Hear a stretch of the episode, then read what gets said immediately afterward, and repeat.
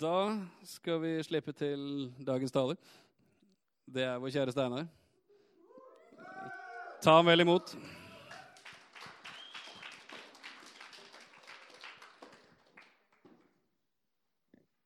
Hei, hei.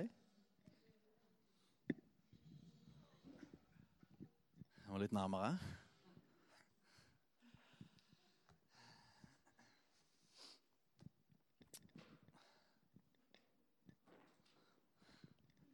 Og så ber vi litt mer.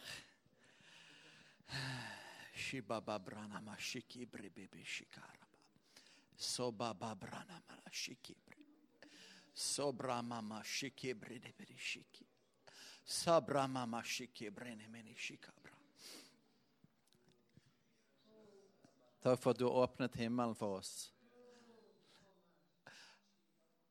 Takk for at forhenget er revnet.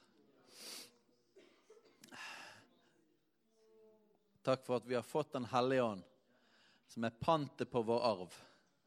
Vi har fått en smak av himmelen. Takk for ditt nærvær, Gud. Og nå ber jeg Hellige Ånd, kom mer. Kom mer. Kom og snakk til oss. Kom og sett oss fri. Kom og forny vårt sinn.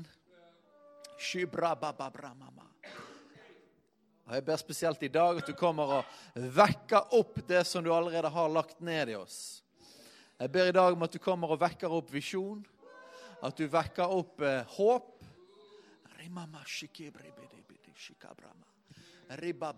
Jeg ber at du kommer og vekker opp gaver som, eh, som du allerede har gitt oss, men som eh, noen av de kanskje er blitt eh, litt sløve.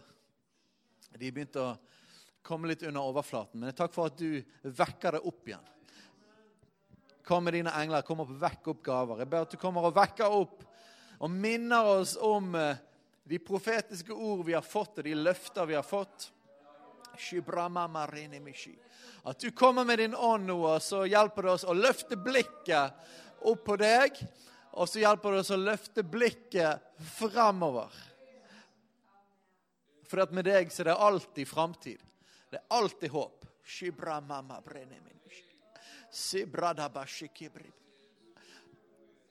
Kom med din ild, Gud. Kom med din ild. Du har kalt oss, Herre, som akkurat som Jesusfellesskapet må, men som ditt folk, alle kristne. Vi er kalt til å være bærer av ditt nærvær. Vi, vi er kalt til å være et sted der du kan komme med din ild, Herre. Så hvil på oss, Herre. Hvil på oss akkurat nå. Slipp dine engler løs, Gud. Ha, baba. Shobrababakabranama. Første Mosebok kapittel 1. I første versen står det at eh, Guds ovn svevde over vannene. Så at jorden var ødetom, så Guds ånd svevde over vannet, og så sa Gud bli lys. Og For meg er det en sånn her, det er en veldig praktisk ting hver eneste gang eh, jeg skal forkynne Guds ord, så vil jeg at Guds ånd skal sveve over vannet. Nå er det ikke sånn at han har vært vekke, men jeg vil bare ha mer.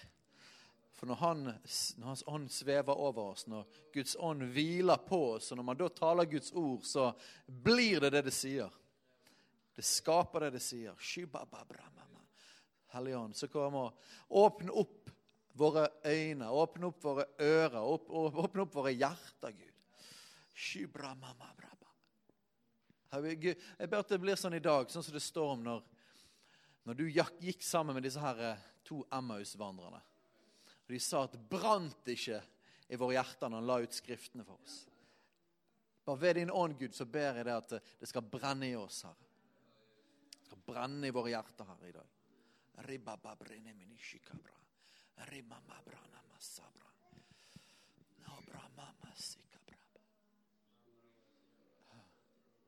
Ja, Gud. Ja, Gud. Ja, Gud. Ja, Gud. Ja, Gud. Ja, Gud, ja, Gud, ja. Ja, Gud. Vi opphøyer deg. Vi opphøyer deg. Vi opphøyer deg. Du vår Gud. Vi opphøyer deg. Vi opphøyer deg. Vi opphøyer deg. Du vår Gud. Vi opphøyer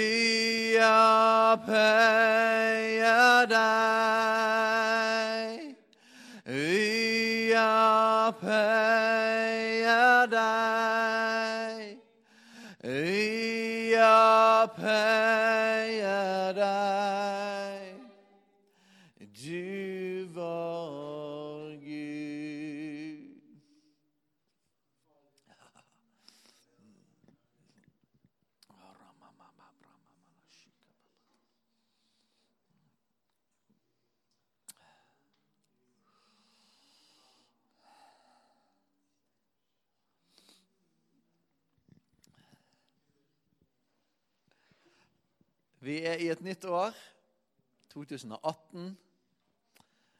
Noen vet kanskje hva den profetiske betydningen av 8 og 18 er. Jeg vet ikke helt. jeg husker ikke. Men eh, vi er et nytt år, og eh, nytt år er alltid det nye muligheter. Gud har, eh, Gud har lagd det sånn i det fysiske. Det står om litt etter det at han sa 'bli lys'.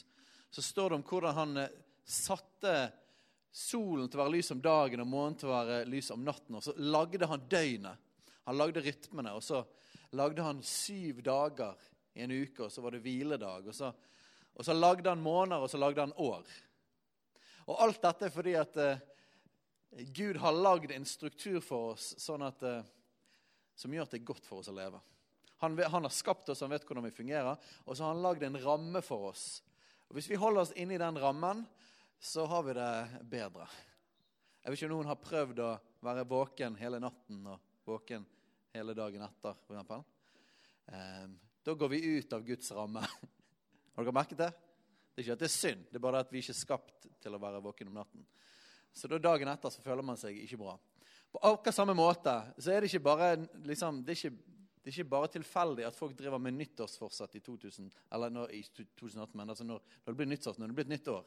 Så, så kjenner folk liksom at aha, nå er det et nytt år, det er nye muligheter. jeg har lyst til å ta valg. Og det er fordi at Gud har skapt oss med denne her rytmen.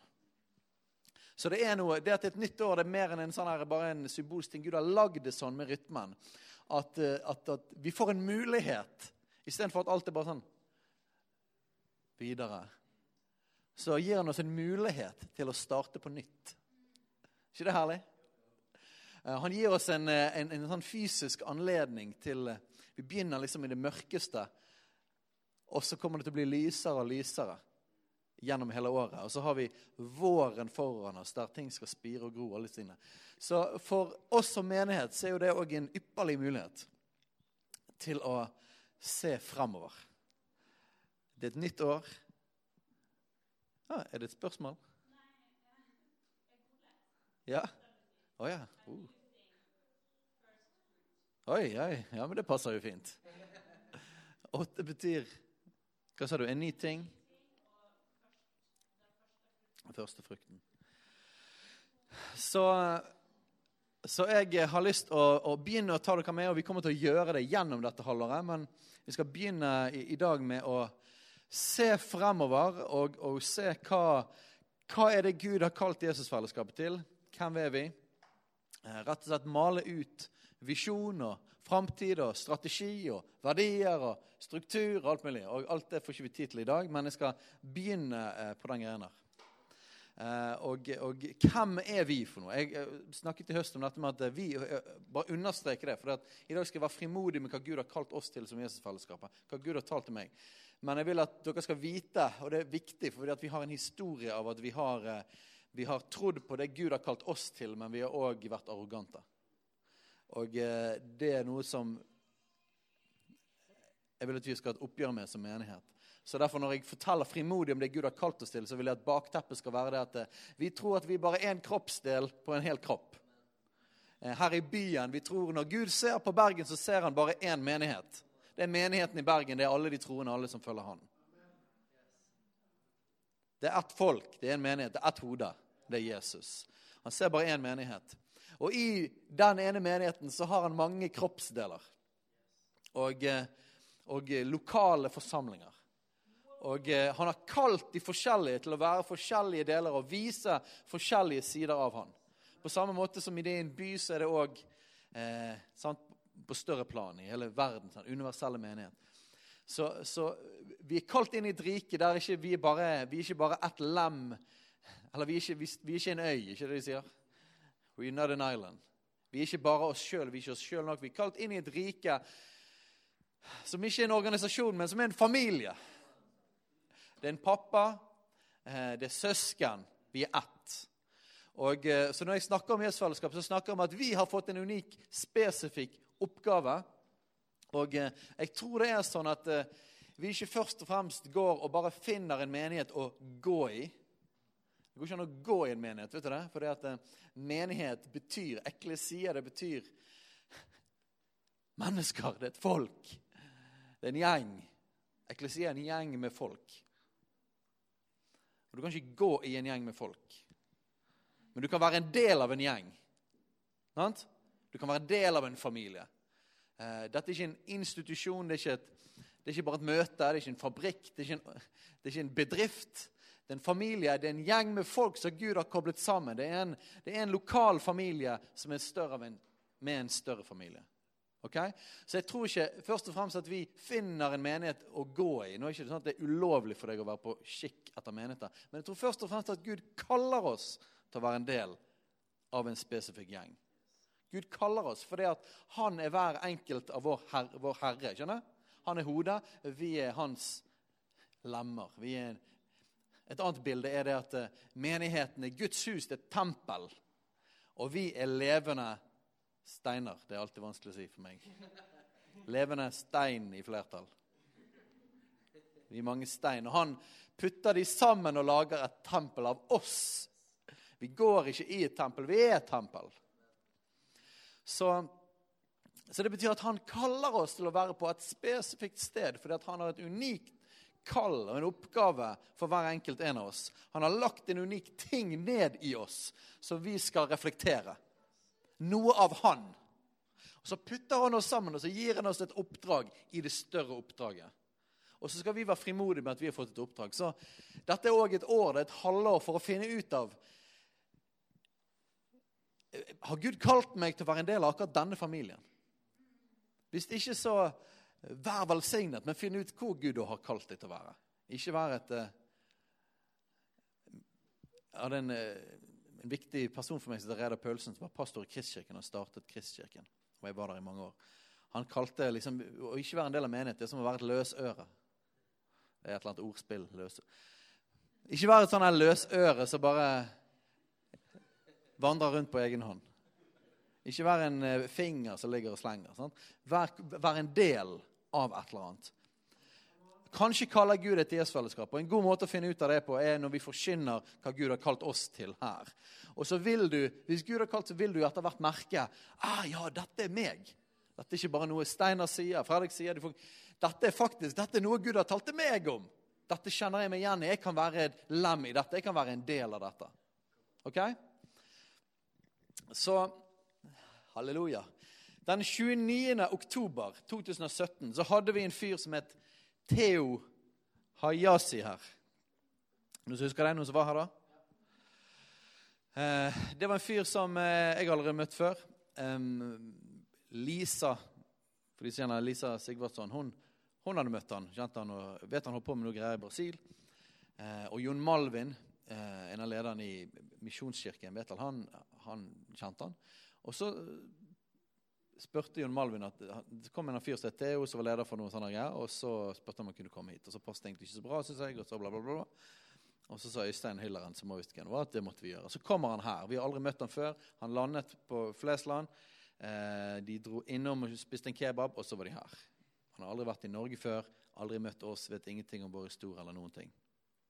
Eh, og så kom han med et budskap som var eh, et veldig viktig budskap for menigheten i høst. Jeg vet ikke om du husker det eller fikk det med deg, men det var veldig viktig. uansett om du husker Det eller ikke fikk det med deg. Det var veldig viktig. Det var et veldig viktig ord. Eh, og eh, jeg skrev det ned i dag. Iallfall en del av det. Liksom på slutten. Og ja Jeg skal lese det. Det er noe med vekkelse og denne menigheten. Dere har fått mange profetier tidligere profetier om at dette er et senter for vekkelse i Skandinavia. Salvede profeter har vært der før. Gud sier at det såkornet fremdeles finnes fremdeles. Det er i jorden. Men det er hjerter som er syke her. Det er legitimt å spørre Gud, er du med oss? For seks-syv år siden var det et momentum, og det var akkurat som at det skulle ta av. Men så ble det, men så ble det brutt. Og nå stiller vi spørsmål med alt. Hvem sin feil er det? Hvorfor mislykkes vi? Men, jeg, men, det jeg så, og han sa etterpå spesifikt at når han kom ut av flyet og han satt foten sin i Bergen, så så han etter synet. Det jeg så, var hender fylt av frø. Som var de profetiske løftene. Hender fylt av frø. Hele forsamlingen hadde hender fylt av frø. Vann det såkornet. Jeg er her for å minne dere om at Gud ikke har glemt dere. Vann det såkornet. Grav opp igjen brønnen av vekkelse. Og Jeg vet ikke hvor mye du vet om det, eller hvor mye du husker det, eller sånn og sånn, men vi har fått noen enorme profetiske ord og løfter for menigheten. Eh, jeg husker aldri hvor mange år vi egentlig er, men det er helt sant at det var, det var en periode for en del år siden vi hadde et enormt momentum. Det var helt heftige ting Gud gjorde. Det hadde vært forskjellige ting som skjedde, og spesielt siste perioden, siste ett og halve år har vært veldig tøft. Og eh, det jeg har tenkt å gjøre, det er at jeg har tenkt å grave opp igjen noen av de tingene. Jeg har lyst til å fortelle om hva er det Gud har kalt oss til. Hva er det disse løftene som har vært i fortiden? Og eh, hva nye ting er det Gud har talt om denne siste perioden? Er du klar for det? OK. Jeg trenger litt vann, altså.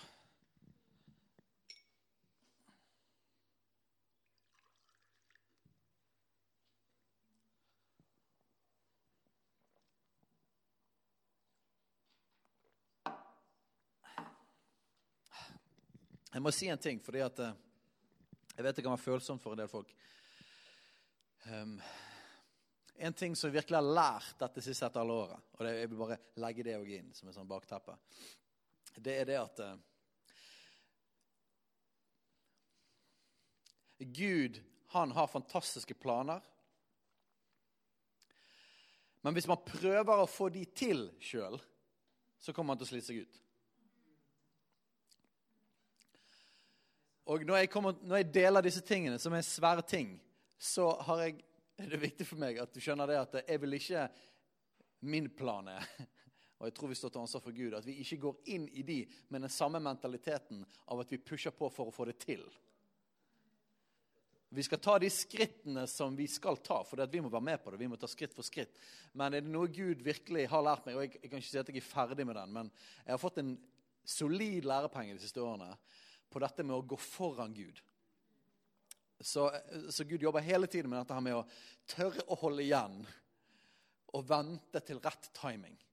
For dette er veldig mange ting Gud har sagt, men hvis du prøver å gå inn i det, og du pusher inn i det for tidlig, når med egen kraft, så kommer du til å treffe en vegg. Ikke fordi at løftet var feil, men fordi at eh, man begynte å gjøre det sjøl, eller man gikk før timing. og man brukte sin egen kraft for å prøve å få til. Og jeg har merket at Noe jeg har måttet vende meg om fra, det er fordi at jeg har pushet de tingene så mye. Gud har talt om noe, så jeg bare kastet meg inn i det. Og, og, og etter hvert så blir du fryktelig sliten. Eh, og Gud har talt meg om at roten til det faktisk er vantro. Fordi at eh, jeg ikke har tillit til og trygghet nok til at Gud faktisk skal gjøre det han har sagt. Jeg vet at jeg skal være en del av det. Jeg vet at jeg må det er en samarbeid. sant? Det er en bit som, som vi har, det er en bit som jeg har. Eh, men fordi jeg ikke har tillit nok til å tro at, at det kommer til å skje når han har talt om det, og har is i magen, tar skritt for skritt, så har jeg prøvd å fikse det sjøl. Dette har skjedd før i historien. For eksempel var det en, eh, en fyr som het Moses. Han ble kalt til å føre hebreerne ut av Egypt. Gud kalte han og reiste han opp som en redningsmann. Og eh, På et tidspunkt så får han vite det, for han vokste opp hos, eh, i slottet. På et eller annet tidspunkt får han vite at han er jo israelitt, akkurat som slavene. Og så Husker dere historien med hvordan eh, han ser en sånn eh, slavevokter eller et eller annet slår eller pisker en av slavene, en av hans eget folk. Husker dere historien?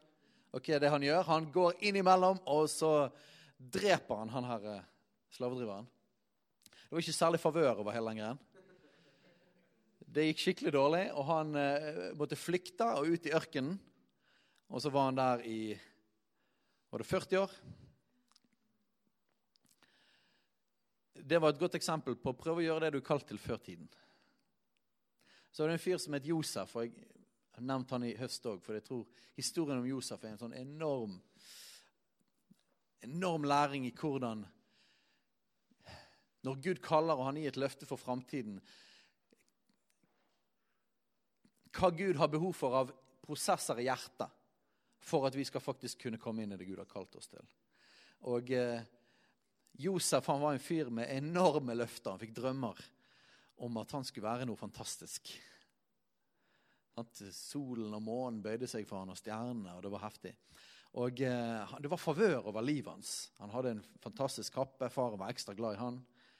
Og eh, istedenfor å bli leder og en stor mann, så var det som skjedde at brødrene begynte å hate han. For han var en drittsekk. Arrogant drittsekk. Så kastet de han i brønnen, de solgte han som slave. Og så begynte mange, mange år med at Gud forberedte Josef til å bli klar for det han faktisk var kalt til. Men han var ikke klar til det med en gang. Han måtte gjennom knusing. Og vi har hatt en herlig tid av knusing nå. Så er dere med? Det er bakteppet. Så jeg, når jeg sier disse tingene nå, så, så, så vil jeg hjelpe dere litt ikke gå inn i frykt hvis du har vært med i mange år i EF og du har opplevd at vi har pushet heftig på og du er sliten og drittlei. Ikke vær redd for at ok, nå skal vi bare, ok, nå er det 2018, nå bare gasspedalen igjen. Ok? Det er ikke det jeg sier. Men jeg vil forkynne disse tingene, tale de tingene ut. For det er det Gud har talt om, at han skal vekke det opp i oss. Og at gjennom å forkynne det, så begynner det å begynner det å boble igjen. Det begynner å, begynner å gro og spire. Og hvis Gud har kalt det til å være en del av det, så vil det begynne å vekkes opp. Ok?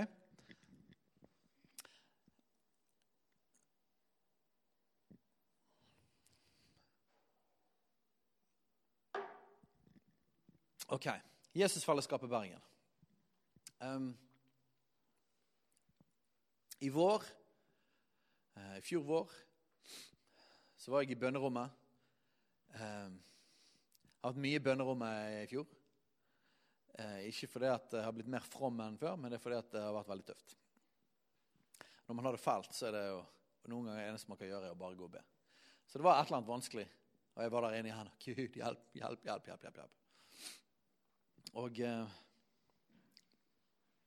og så opplevde jeg at Gud, eh, Gud utfordret meg.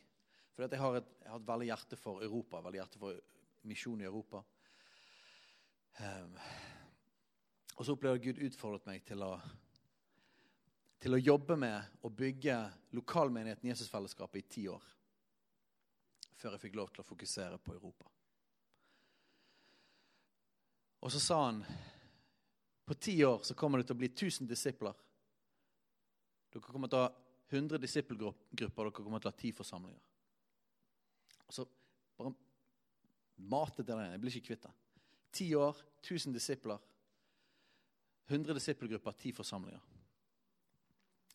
Eh, og jeg opplever Gud har sagt det at eh, Jesusfellesskapet Bergen skal få lov til å være en gnist til en større brann. Vi skal få være en gnist til en større brann. Så betyr at eh, hvis ikke vi opplever, hvis ikke vi ser Gud virkelig gjøre noe her i byen, så er det ikke så mye å eksportere til Europa. Så, så opplever Gud fokuserer på at han vil gjøre noe først i lokalmenigheten. For så vi kunne gå videre. Og jeg har sagt ja til Gud og sagt OK, jeg, jeg går med på å fokusere de neste ti årene på nettopp det. Men det store kallet er ikke bare Bergen. Og vi skal selvfølgelig være med resten av menigheten her i byen til å være med og vinne, vinne Bergen. Men oss som lokalmenighet eh, så opplever jeg at han sa 1000 disipler. Hva betyr 1000 disipler? Det betyr, det betyr ikke 1000 mennesker på en stol. Det betyr 1000 etterfølgere av Jesus Kristus. Og det er ikke det samme. Eh, Guds rike og menighet er ikke en business av å få mest mulig folk inn i et rom. Det er ved at flest mulig blir smittet av kjærligheten til Jesus Kristus og blir etterfølgere av han. Så han var veldig spesifikt 1000 disipler, 1000 etterfølgere. Jeg opplevde han sa det at, eh, at vi skal gå tilbake til røttene. Og Noen av røttene våre er at vi var sterke i begynnelsen med Jesusfellesskapet. Og vi er sterke på hjemmene. Vi var sterke på menigheten i hjemmet. På fellesskapet i hjemmene. På å spise sammen. På å ha nattverd sammen. Eh, og jeg opplever, og vi har disse familiesamlingene vi har, er på en måte en slags sånn her, eh, oppvarming til det. Men til høsten så kommer vi til å starte det jeg kaller huskirker. Eh, og opplever Gud har sagt at vi skal ha 100 huskirker eller disippelgrupper. Og Huskirkene handler om å bygge familie. Det handler om å komme tatt. Eh, og, og, det blir mer enn en cellegruppe. Det blir noen som kommer til å Vi kommer til å sette inn pastorer for huskirkene. Eh, de Gud reiser opp. Eh, og vi ønsker at der skal livet leves. Folk blir frelst der. Folk blir døpt i husene, hjemmene, i badekarene. Folk blir døpt inn hellige Ånd. Folk blir satt fri for onde ånder. Gavene er i funksjon. Eh, vi spiser sammen, vi er tatt på. Og at alle som er i Jesusfellesskapet, har en har en lokal, har en pastor, har en hyrde som, som ser de. At alle sammen har en som ser de. At ikke det Jeg tror ikke Gud har kalt oss til å være giga. Han har kalt oss til å være sterke i det små og gjøre mange disipler. Istedenfor å ha Istedenfor å ha en megamenighet, så opplever jeg Gud har sagt det at vi skal ha mange menigheter på 50 til 150. Mange mindre forsamlinger på 50 til 150. All statistikk viser det at putter du veldig mange folk inn i et rom, har du for stor menighet i ett rom. Jo mer folk du har, jo mer rumper på en stol, jo mer går eierskapet ned. Jo mer går eh, delaktigheten ned. Alt går ned. Ikke, Menighet er ikke å komme og bare sitte og være en del av et møte. Akkurat nå gjør dere det. Men det er en så liten del av menighet. Så jeg opplever at Gud sier at vi skal, vi skal heller være mange og mindre. Uh, og heller nå ut i bydelene. Heller, heller starte mange forsamlinger. Og så er det også en ting. Hvis du har en menighet på 10 000 mennesker, alle samles inn i et rom, da trenger du bare én predikant. En lovsangsleder. Eller det er jo greit å ha flere, men dere ser poenget. Og hva andre jobber er det igjen, da? møteverter og folk som hilser på folk, og parkeringsvakter. Det er litt overdrevet. Skjønner dere poenget? Men hvis vi har mange mindre forsamlinger, trenger vi mange til å lede lovsang. Vi, vi, trenger mange musikere, vi trenger mange teknikere, vi trenger eh, mange som uh, lager kaffe, vi trenger mange som ser folk, vi trenger mange som forkynner, vi trenger mange ledere. For Gud har kalt oss til å gjøre disipler og trene ledere. Ikke bare være én giga. Så retningen vi går i denne, dette halvåret her kommer til å være vi kommer til å forkynne om framtiden. Deler, vi kommer til å varme ting litt opp igjen. Men for neste høst så kommer det til å være en ikke en restart, men et nytt kapittel av Jesusfaderskapet. Så 100 disippelgrupper og 10 forsamlinger. Hvis vi skal sende folk ut og plante menigheter andre steder, så er det smart at folk har fått trening på å gjøre det her. Og så ser vi for oss noe sånn som at eh, Ca. hver sjette uke eller et kan vi samle alle sammen. Så har vi stor fest. Men folkens, jeg vet ikke hvordan man bygger en menighet på 1000. Men jeg vet hvordan man bygger en menighet på 100. Så kan man bare gjøre det om igjen og om igjen. Så det Gud sa på ti år, 1000 disipler, 100 disippelgrupper, 10 forsamlinger. Det er den det er det biten av kapittelet som Gud har bedt meg å fokusere på. Og så ser vi hva Gud har videre for det. Jesusfellesskapet Bergen mer enn en lokalmenighet. Jeg opplever det at vi trenger familie, vi trenger lokalmenighet. Men vårt kall har aldri vært å bare være en lokalmenighet. Vi er en liten gjeng nå, men det har aldri vært det Gud har kalt oss til. Gud har kalt oss til å være med og prege et helt kontinent. Alle bevegelser startet med noen få.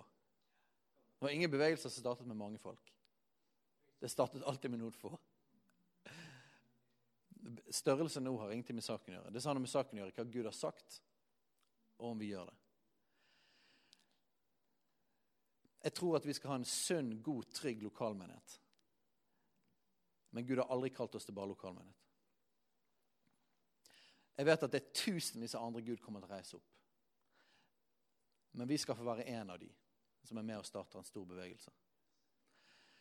Gud har kalt oss til å bygge et apostolisk senter. Jeg vet ikke om du vet hva apostolisk senter er for noe, men jeg kan si noen andre ord. Det er et senter for vekkelse, et senter for trening og et senter for å sende ut folk. Når jeg snakker om å sende ut og snakker om Europa, så snakker jeg ja om pionermisjon, jeg snakker ja om menighetsplanting. Men det er ikke bare Europa som i geografisk, men det er òg alle sfærer av samfunnet. Det betyr ikke at alle som er i Jesusfellesskapet kommer til å reise ut som misjonær og plante en menighet eller en misjonsbase, men det betyr at alle i Jesusfellesskapet, det er iallfall vi kalt til. Å trene alle i Jesusfellesskapet til å være en misjonær på et eller annet sted uansett. Det kan være at du er en misjonær til helsevesenet. Det kan være at du er kalt til å være en misjonær i skolevesenet. Det kan være at du er kalt til å være en misjonær i business eller kalt til å være en misjonær i politikk. Men du er en misjonær. Så Gud har kalt oss til å trene og sende folk utover i Norge, utover i Europa, utover i bydeler i Bergen, men òg utover i samfunnet. Så det kan være at du kommer til å bo i Bergen resten av ditt liv. Men Jesusfellesskapet er kalt å være et apostolisk senter. Apostolisk betyr utsendt. Det betyr at på samme måten som Gud, samme måte som Faderen sendte Jesus, så sa han på samme måte som Faderen sendte meg, så sender jeg dere. Det betyr at vi er ikke til bare for oss sjøl. Vi er til for noen andre. Han skal legge inn der, sånn at hyrdene kan bli trygge. Vi kan ikke hjelpe andre med mindre vi har det godt sjøl. Så det at vi er til for andre, betyr ikke at vi bare alt går på bekostning av oss sjøl. Katrine har et herlig bilde som hun hele tiden sier. Det er fra fly. Det her sikkerhetsgreiene på fly. Ta, ta først på oksygenmasken på deg sjøl før du tar på ditt barn eller noen andre. Så det betyr ikke at vi skal slite oss ut fullstendig for at andre skal få liv, men det betyr at vårt blikk og vårt fokus er ikke primært at vi skal ha en hyggelig gjeng. Fordi at eh, lokalmenighet, familie, menighet i Det nye testamentet har aldri vært nok med seg sjøl. Det har alltid vært en del av et oppdrag. Menigheten i Jerusalem, husker dere den? Den første menighet de 120 som var der på pinsedag, som ba. Og Så falt Den hellige ånd på dem, og så forkynte Peter evangeliet, og så var det 3000 som ble frelst. Og den første menigheten. Hva var det Jesus hadde sagt? Han sa det at 'gå ut i all verden og gjør alle folk til disipler'. Men i menigheten i Jerusalem så ble det lagt til folk, og det ble lagt til folk, og det ble lagt til folk. Og de største estimatene sier at det kan ha vært oppi 50 000 mennesker i menigheten i Jerusalem. Men det var ingen som dro ut. Det var ingen som dro ut. Menighet i Det nye testamentet har aldri vært å få en så stor som mulig menighet for vår egen del. Eller å bare være en liten gjeng for vår egen del. Menighet det er familie, men det er alltid et oppdrag. Så vi er ikke til for oss sjøl. Jeg håper at gjestfellesskapet kommer til å være et trygt og godt sted. Eh, jeg ønsker at hyrder og de, med, de, som har stor omsorg for folk, skal få ha en sterk stemme. At vi skal kunne ha balanse, at vi skal ha sunnhet, at vi kan ha nærhet med hverandre. Men det kommer aldri til å være det å være trygg og ha det godt som kommer til å være primærfokuset i Jesusfellesskapet. det kommer til å være at på samme måten som Jesus ga seg for oss, så er vi kalt å gi oss for verden. Sånn er det. Det er evangeliet. Dette er kjærligheten. At han ga seg for oss. Når vi erfarer hans kjærlighet, er den naturlige respons for en kristen jeg sier at eh, jeg vil gjøre det samme som han. En ting som går gjennom hele Nytestamentet, er at det er en ære Har dere lyst til å høre et herlig ord? Det står igjen og igjen som at det er en ære å få lide sammen med Jesus. Ja, men det er det. Kjærligheten er sånn.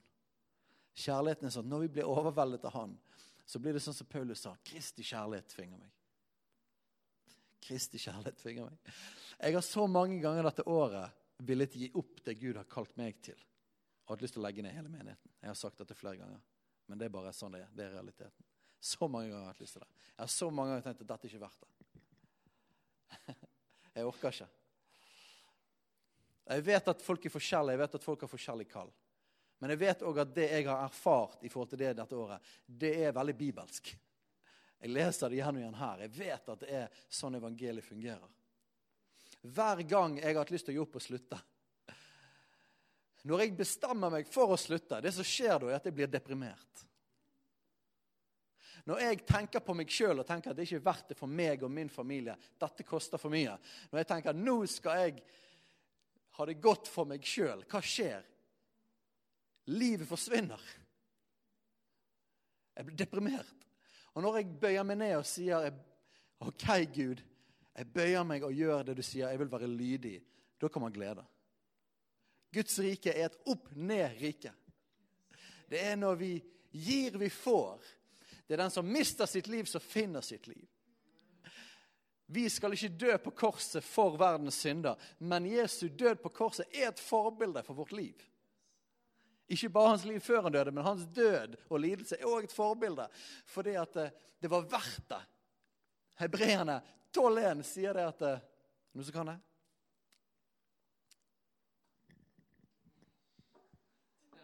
Hebreerne 12.1. Vi tar det. Det er et godt vers. Ta det. Shabrahamadashinki. 12.1 og 2. Så la oss derfor, da vi har en så stor sky av vitner omkring oss, legge av oss alt som tynger og synd som så, henger så fast ved oss, og løpe med tålmodighet i den kamp vi har foran oss, med blikket festet på Jesus, han som er troens opphavsmann og fullender. Og så er det som var poenget mitt her. For å oppnå den glede som ventet han, led han tålmodig korset. Uten å akte vanæren. Han har nå satt seg på høyre side av Guds trone. For å oppnå den glede som ventet han, led han tålmodig korset. Jesus sin motivasjon for å gå gjennom prisen det det kostet, var gleden som ventet han.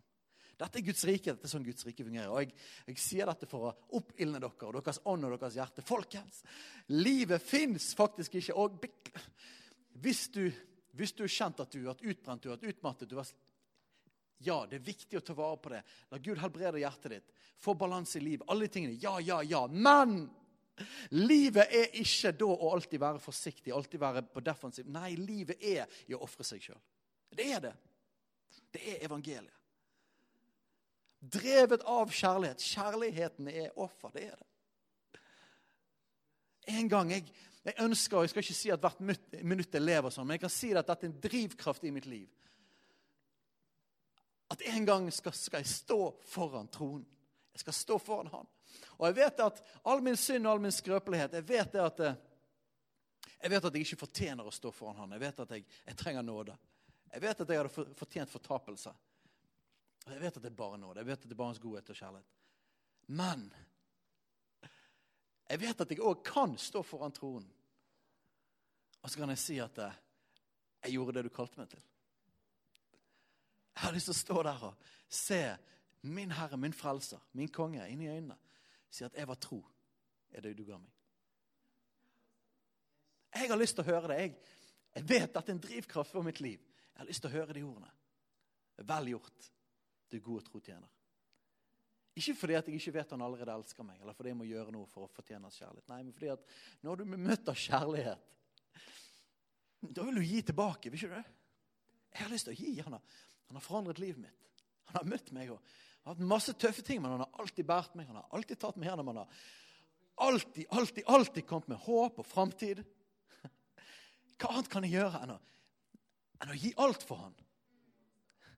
Det er evangeliet, uansett om du har, om du har gått på en, en, vegg og du har opplevd negativt. Men dette er evangeliet. Er ikke det det? Livet fins der. Jeg lever for det, det momentet. Å stå foran Han. Hæ? Jeg vil ikke leve dette livet bare for her. Jeg vil leve det for evigheten. Jeg vil få den kransen. Jeg vil si at jeg, jeg ga alt mitt. Ikke perfekt. Men jeg, men jeg la ned mitt liv sånn som han la ned sitt liv. Er ikke det den største ære, da? Å få være sånn som vår Herre, vår Frelser. Jesusfellesskapet er kalt til å forkynne disippelskap og etterfølgelse. Vi er det.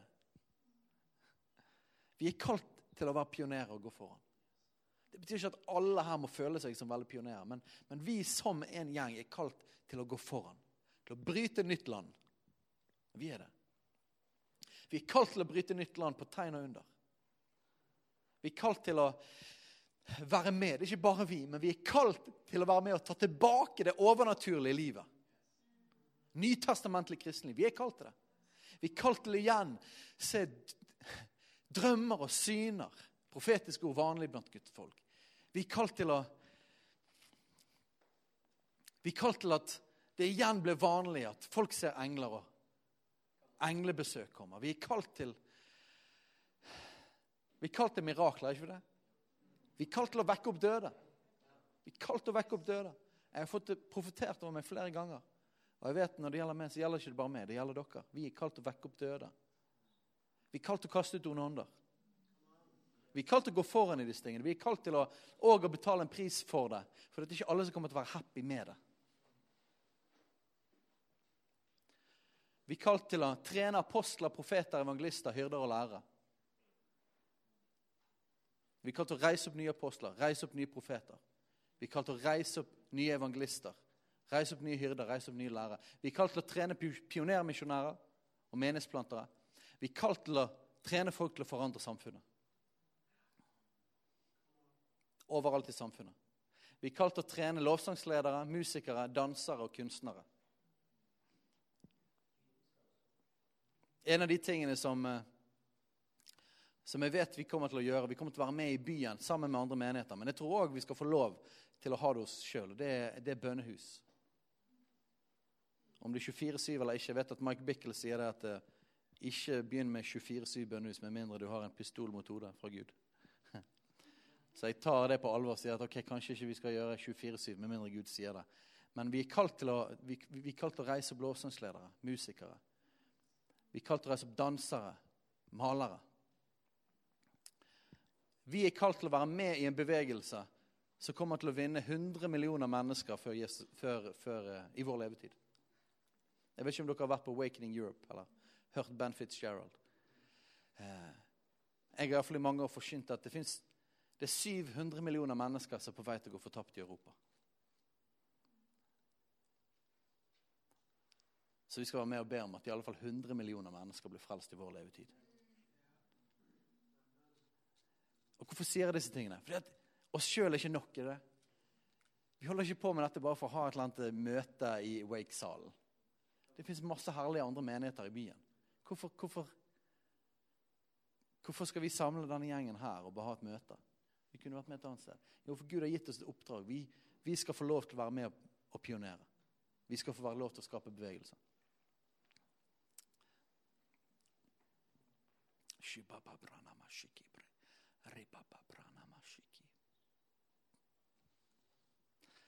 Nå som vil slå opp i Haggai. Er ikke det et sted vi pleier å lese ofte?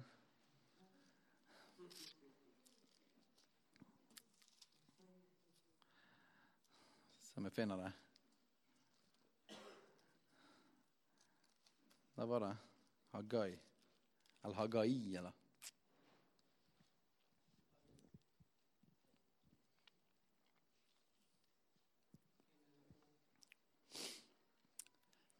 Kapittel 1, 14 først. Vers 14.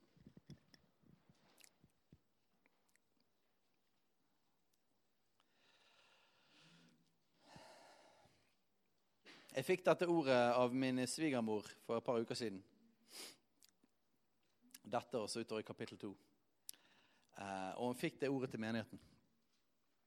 Og eh, jeg var litt sånn redd for om jeg skulle lese det, for det kunne virke litt sånn manipulerende. At nå skal dere gjøre det som sies i dette ordet her. Men det er ikke tanken. Tanken min er å Når Gud taler, så ser man det ut, og så kan Gud skape det fra innsiden i oss.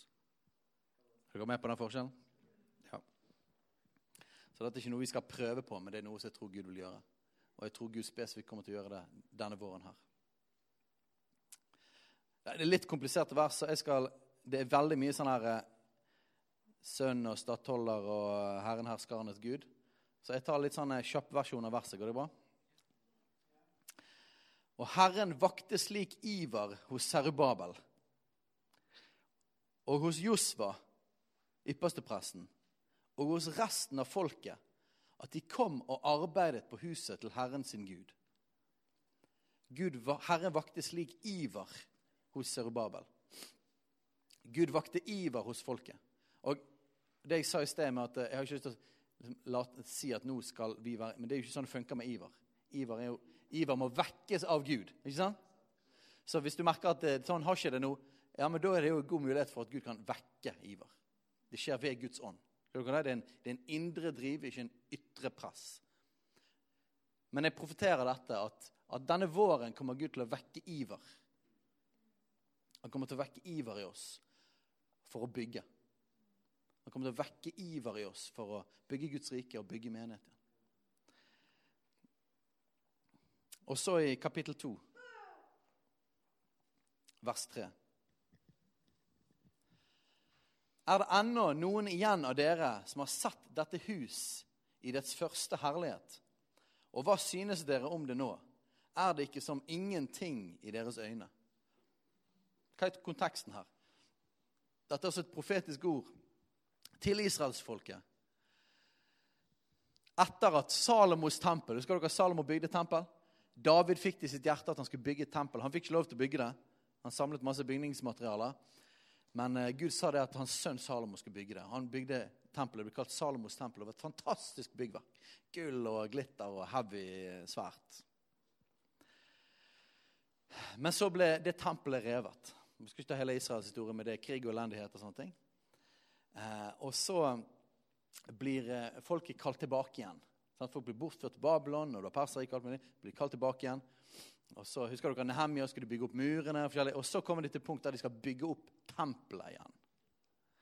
Og eh, det tempelet blir kalt Serubabels tempel. Ok?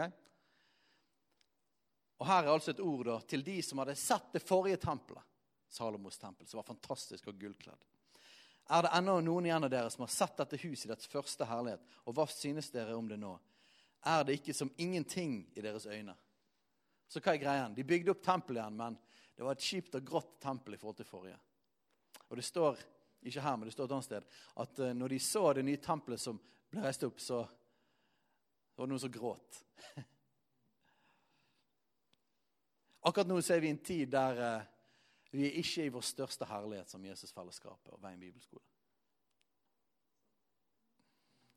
De som har vært med lenge, vet at vi har hatt tider av gull og glitter. Sånn har ikke det vært i det siste. Men vær nå frimodig, Serubabel, sier Herren. Vær nå frimodig, Josva, du som er ypperste prest. Vær frimodig, alt folk i landet, sier Herren og arbeid. For jeg er med dere. Det paktens ord jeg ga dere, det paktens ord jeg ga dere da dere dro ut av Egypt, skal stå fast. Hva betyr det? Det Gud har talt om før det han har lovt. Før. Det står fast, det er ikke over. Det ordet er der fortsatt. Jeg avslutter med dette her. Og Begynnelsen hva var det? Det var ordet for han her eh, Theo. Om at vi har masse frø. Det finnes løfter fra før av. Det paktens ord jeg ga dere da dere dro til Egypt, skal stå fast. Min ånd skal bo iblant dere. Frykt ikke. For, en gang, for så sier Herren, herskernes Gud, enda en gang, om en liten stund, vil jeg ryste himmelen og jorden, havet og det tørre land. Vi er kalt til vekkelse. That's it. Sånn er det bare. Uten utøselse av Den hellige ånd, uten rystning, uten mirakler, tegn og under, heftige ting. Gud kommer med sin herlighet og sitt nærvær som gjør at slår oss alle ut. Uten det ser vi ingenting. Det er det vi er kalt til å være. Vi er ikke kalt til å bare være en hyggelig minnet. Sånn er det bare. En, enda en gang om en liten stund vil jeg ryste himmelen og jorden, havet og det tørre land. Min bønn og min lengsel mer enn noe annet for vår menighet for mitt liv Kom, Hellige Ånd, utøs! Utøs din kraft, utøs din ånd over oss igjen. Hvis dere har snakket bitte litt med Peter, Peter Kachuk, så er det stort sett det eneste han sier til meg. Guds ånd kommer til å falle. Guds herlighet kommer til å komme. Folkens, det kommer til å komme tider igjen jeg profeterer dette ved Guds ånd. Det kommer til å komme tider igjen der han tømmer sin ånd ut av oss. Mektig. Det gjør det. Vi kommer til å bli overveldet av hva han gjør. Jeg vil ryste alle folkene, slik at folkene, alle folkenes lengsel skal komme. Og jeg vil fylle dette hus med herlighet, sier Herren herskernes Gud. Dette er snakket om tempelet i den gamle pakt. Men hva er den tempelet i den nye pakt? Det er menigheten. Og dette er et spesifikt profetisk ord til oss òg. Han kommer til å fylle dette huset med sin herlighet. Vi har hatt litt økonomiske problemer eh, denne høsten, og det er liksom en frukt av uh, trøbbelet vi har vært gjennom. Sølvet er mitt, og gullet er mitt, sier Herren herskernes Gud. Og dette ordet som jeg fikk fra altså, Rose, min svigermor, jeg fikk akkurat det samme av Theo. Jeg spurte, eh, etter han hadde talt og gitt disse så sa jeg til han, dette var utrolig, dette var et ord fra Gud. Du, du vet ikke hva vi har gjort, men dette går rett inn i det, det vi har vært i. Um, og Så ba han for meg, og så, så, sa han dette ordet her. Og da fikk jeg det igjen. Det, det siste huset skal få en større herlighet enn det første hadde, sier Herren Eskaranes Gud. Hvorfor det? På grunn av meg? På grunn av oss? Nei. Pga. verden. Han elsker oss, men det handler ikke om oss. Jeg snakket om det med en gjeng forleden dag, og Sindre kom med en god kommentar. Og Jeg sa det at det, det handler om verden, sa jeg. Og det er helt sant. Og så sa, sa Sindre nei, det handler om Jesus. Ja, det er sant. Men så sa Sindre videre når det handler om Jesus for oss, så begynner det å handle om det det handler om for Jesus. Og for Jesus så handler det om verden. Det er ikke sånn, du, kan ikke, du, kan ikke, du kan ikke skille de tingene. Det handler om Jesus. Men for Jesus handler det om verden. Og da begynner det å handle om verden for oss. Skjønner dere? Men når jeg sier det handler om verden, så handler det om at det han vil gjøre i vårt liv og i oss, handler ikke om for vår ære, for vår Nei, nei, nei. Det handler om verden. Det handler om verden. Hans øyne far over hele jorden. Han leter etter noen som har et hjerte som er helt med hans. Han leter etter noen som sier ja. Jeg har bestemt meg for å si ja. Jeg har prøvd å si nei mange ganger. Men han har tvunget meg. Og nå sier jeg til dere, følg meg sånn at jeg følger Jesus. Paulus sa det mange ganger. Etterfølg meg som jeg etterfølger Kristus. Folkens, gi respons på hans kall. Gi deg for verden. Det handler ikke om Jesusfellesskapet. Det det handler om verden. Det handler om alle de der ute. Siste setning i det ordet her. Og på dette sted vil jeg gi fred, sier Herren herskernes Gud. Han vil gi fred. Jeg har lyst på det. Han vil gi fred. Ok, Så det var en liten sånn overskrift og en sånn start på å begynne å snakke om hva vi er kalt til. Kan vi reise oss opp på beina?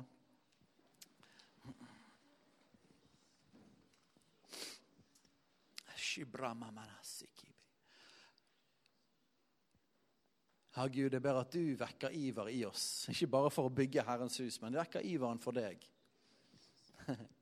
For det er jo det det handler om. Det handler om deg, Jesus. Det handler om at vi ønsker vi skal leve for deg fordi at du ga oss alt. og du, du overøste oss med din kjærlighet. Jeg takker deg for at du elsker oss så høyt. At du tok oss opp på fanget, at du dro oss opp av driten. Du, vi vet at vi alle sammen vi har sviktet, og du, du kom og søkte oss, Herre. Og du tok oss opp, og så, så ga du oss det vi ingen av oss fortjente. Du ga oss deg sjøl. Du ga oss ditt nærvær, du ga oss livet. Du, du tilga oss, du renset all vår synd. Og Så kom du og så ga oss det mest dyrebare. Du ga Den hellige ånd. På innsiden så gjorde det oss til barn. Vi fikk barnekår. Som gjør at vi kan si 'pappa'. Vi kan gå rett inn, sette oss på ditt fang.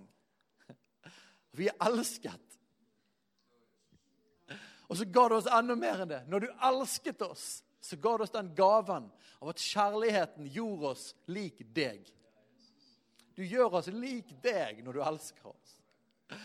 Og så blir vårt hjerte fylt av det som er ditt hjerte.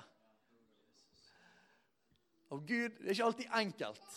Og jeg vet at vi, at vi ikke fullkomment kan, kan overgi oss og følge. Men Gud, med vårt Så oppriktig som vi kan, Gud, så har vi lyst til å si at her er hjertene våre. Jeg har sagt det til deg, Jesus. Jeg sier det igjen. Her er mitt liv, her er mitt hjerte. Jeg har lyst til å gi det. Jeg har lyst til å legge det ut. Ta det i dine hender og gjør det du kan med det, Gud. Gjør det du kan med det. Bruk hvert fiber, bruk hver celle. Bruk mitt liv, bruk mine talenter. Bruk alt sammen. For din ære og for verdens skyld, Gud. Og jeg har lyst til å stå foran deg. Jeg har lyst til å høre deg. Du, du, ga, du galt. Det vil være min største glede, Gud. For du ga alt for oss. Og jeg ber at du skal vekke det opp i oss alle sammen. Bare den lengselen etter å få lov, for det privilegiet å leve for deg og følge deg. Og gi vårt liv inn for å være med og forandre denne verden. Og så skal vi nyte resten av evigheten med deg. Jeg ber Gud, vekk opp igjen hvert enkelt kall individuelt.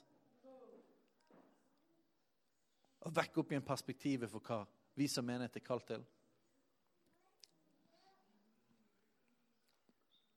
I Jesu navn. Amen.